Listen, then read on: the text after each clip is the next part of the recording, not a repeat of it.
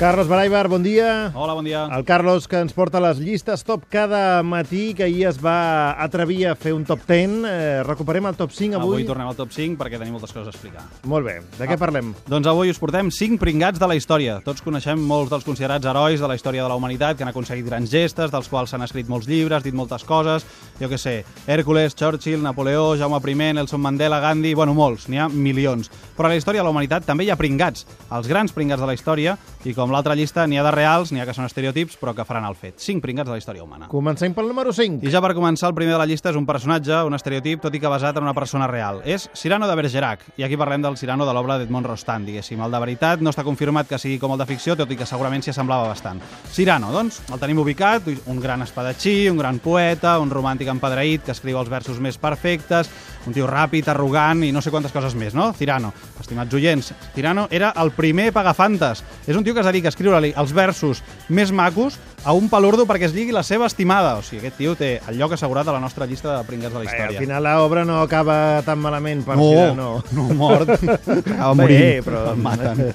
acaba Mort. acostant-se. Mort. Bé, spoiler, número 4. Un científic a la nostra llista, Alfred Russel Wallace. Aquest galès va descobrir, alhora que Darwin, però pel seu compte, el mecanisme per explicar l'evolució, la selecció natural, és a dir, el que tots pensem que va ser idea de Darwin. Doncs Wallace la va tenir primer, la va escriure, li va enviar per carta a Darwin, i Darwin li va dir que era la millor expressió de les idees que li portaven a enrondar pel pel cap que havia llegit. I a més va córrer a publicar-ho, o sigui que Darwin va pu- publicar una idea que no era seva, mentre el pobre Wallace encara estava a l'altra punta del món, a Malàsia. Ja que sí, ningú se'n recorda No. d'Alfred Russel Wallace. No, no, no. Eh, Vinga, número 3. Ara parlem de Mike Smith. El nostre Mike Smith pringat és l'home que va dir textualment els Beatles no tenen futur en el món de l'espectacle. O sigui, molt bé, xaval. L'home Felicitats. l'home era el vistaire, que és ara com es diu això d'ojeador, era el vistaire, ens ho he dit dels esports, d'una companyia que es diu Decca Records. Els van a veure a Liverpool, al Cavern Club, on més anys o més tard tindrien eh, l'èxit de veritat. Els va portar als seus estudis i després de tornar-se'ls a escoltar va dir que els grups de guitarra estaven de retirada, que no eren res de nou, no els va signar cap contracte, o sigui, nous o no, els Beatles van fer certa carrera després d'aquesta triomfada de Mike Sens Smith. dubte. Acabem sempre, de fet, al matí de Catalunya Ràdio amb una cançó dels Beatles que ens porta la Mireia Mallor, per Gran tant, manera. mantenir bastant de futur. Sí, sí, Número sí. 2. També hi ha lloc a la nostra llista de pringats per algun català i que no se m'enfadi ningú perquè estan vius fins on jo sé. Són l'equip creador d'una nova tecnologia, ja no tan nova, que té 10 anys, però que es deia Reactable. Va ser, van ser uns creadors, eh, un equip de creadors de la UPF, format per diverses persones. El Reactable, diríem, és una taula, una mena de màquina per fer música, com un tauler tàctil que interacciona amb objectes reals i amb els dits i a través del qual, això, doncs fas música, movent objectes de diverses maneres. I podria arribar a tenir moltes aplicacions més, posar-hi un mòbil a sobre i que s'obrin tots els menús, fer la càmera de fotos i que s'obrin tots els menús, doncs Microsoft va veure l'invent, el va voler comprar per molts milions de dòlars, una xifra inconcreta, i els seus creadors van dir que no, que volien que fos només per fer música. El que va fer Microsoft és tancar una sèrie de cervellets en un edifici i, en, i va invertir una milionada i ara ja existeix la versió de Microsoft que es diu eh, Mi- Microsoft Surface.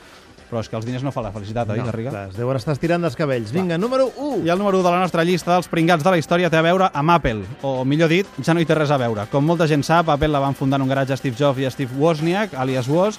Doncs bé, el que no sap tanta gent és que hi havia una tercera persona implicada, un tercer fundador, un tal Ronald Wayne. El tio fins i tot va dibuixar el primer logo. Doncs bé, aquest home, amb un cert recorregut a la indústria tecnològica fins aleshores i que s'havia picat els dits amb algunes inversions abans, dues setmanes després de fundar Apple, es va vendre la seva part per 800 dòlars. 800 dòlars. Després n'hi van pagar 1.500 més, no sé per quin altre concepte, però vaja, 2.300 dòlars en total. Perquè ens en fem una idea, el valor d'Apple al mercat ronda els 400.000 milions de dòlars. Coses que passen. De 2.300 dòlars a un bon pessic que es va deixar perdre aquest tal Ronald Wayne. Això mateix. Gràcies, Carlos. Fins demà. Fins demà.